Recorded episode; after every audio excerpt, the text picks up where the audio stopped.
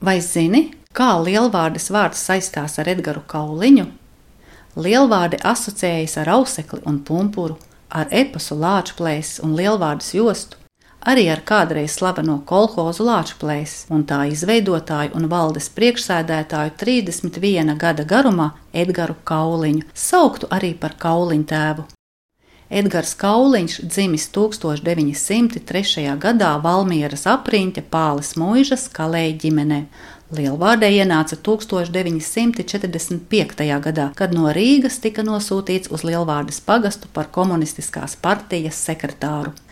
Pagasta partorgs ātri ieguva lielvārdiešu uzticību. 1948. gadā, laikā, kad nebija citas izvēles, zemnieki piekrita iestāties kolhozā, ja Edgars Kauliņš būs priekšsēdētājs. Viņš uzņēmās lielo atbildību un attaisnoja cilvēka dāvāto uzticību. Tikai gadu vēlāk, 1949. gadā, šis solis lielvārdiešus paglāba no izsūtīšanas uz Sibīriju.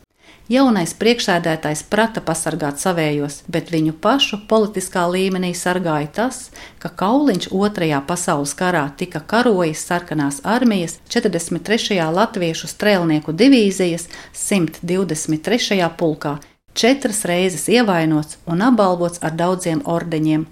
Jānis Peters par šo gadījumu rakstīja: Viņš ir glābis cilvēkus un glābis zemi, gudri, stalti un droši ar sevi riskēdams. Ar pirmajiem soļiem kolhos lāčplēsis gāja cilvēkiem izdevīgākajā virzienā. Visu mūžu priekšsēdētājs paturēja prātā kādreiz iegūto atziņu: kā tu zemi barosi un kopsi, tā zeme tevi atalgos. Viņa mīlestība pret zemi izpaudās arī kādā interesantā ieradumā - vasaras laikā apstaigāt kolhoza laukus, ģērbtam baltā kraklā. Edgars Kauliņš pulcināja kolhozā gudrus speciālistus. Ja citviet kolhozos vālos sapuva sienas vai stirpās labība, lāča plēsī tā nebija. Ja citur darba dienu varēja pavadīt arī laiskāk, lāča plēsī darbs bija jāpadara laikā un priekšzīmīgi, arī lietus un saladienās. Un ja cilvēki godīgi un labi strādāja, arī atalgojums bija augsts. Kauliņa tēva vadītais lāčplēsis bija teju vai vienīgā vieta, kur ņēma darbā bijušos izsūtītos un kādreizējos leģionārus.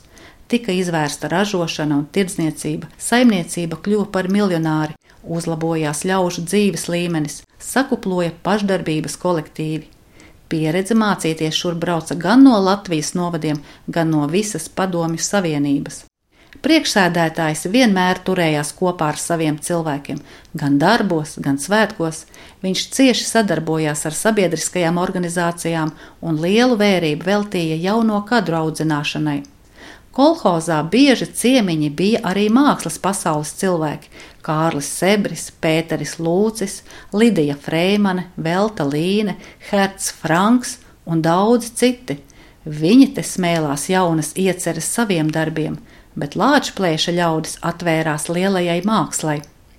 Citējot Jāni Peteru, varbūt Kauliņš zināja mazāk nekā studēts agronoms, bet viņa attieksme pret tautu, zemi un garīgumu bija nākotnes cilvēka attieksme.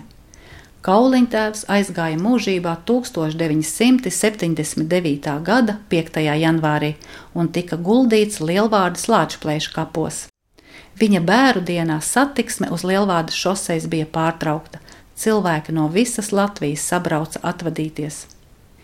Edgara Kauliņa vārdā ir nosaukta Lielvārdas pilsētas aleja un vidusskola. Par viņu ir sarakstītas grāmatas, uzņemtas filmas, stāstītas leģendas. 2023. gada 26. aprīlī Edgaram Kauliņam apritēs 120. gada diena.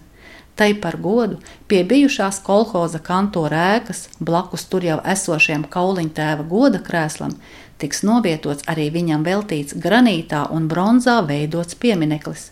Lai godinātu darba likumu, vienkāršību, sirsnību attieksmē pret cilvēkiem, nerimstošu attīstību un dzīves mīlestību.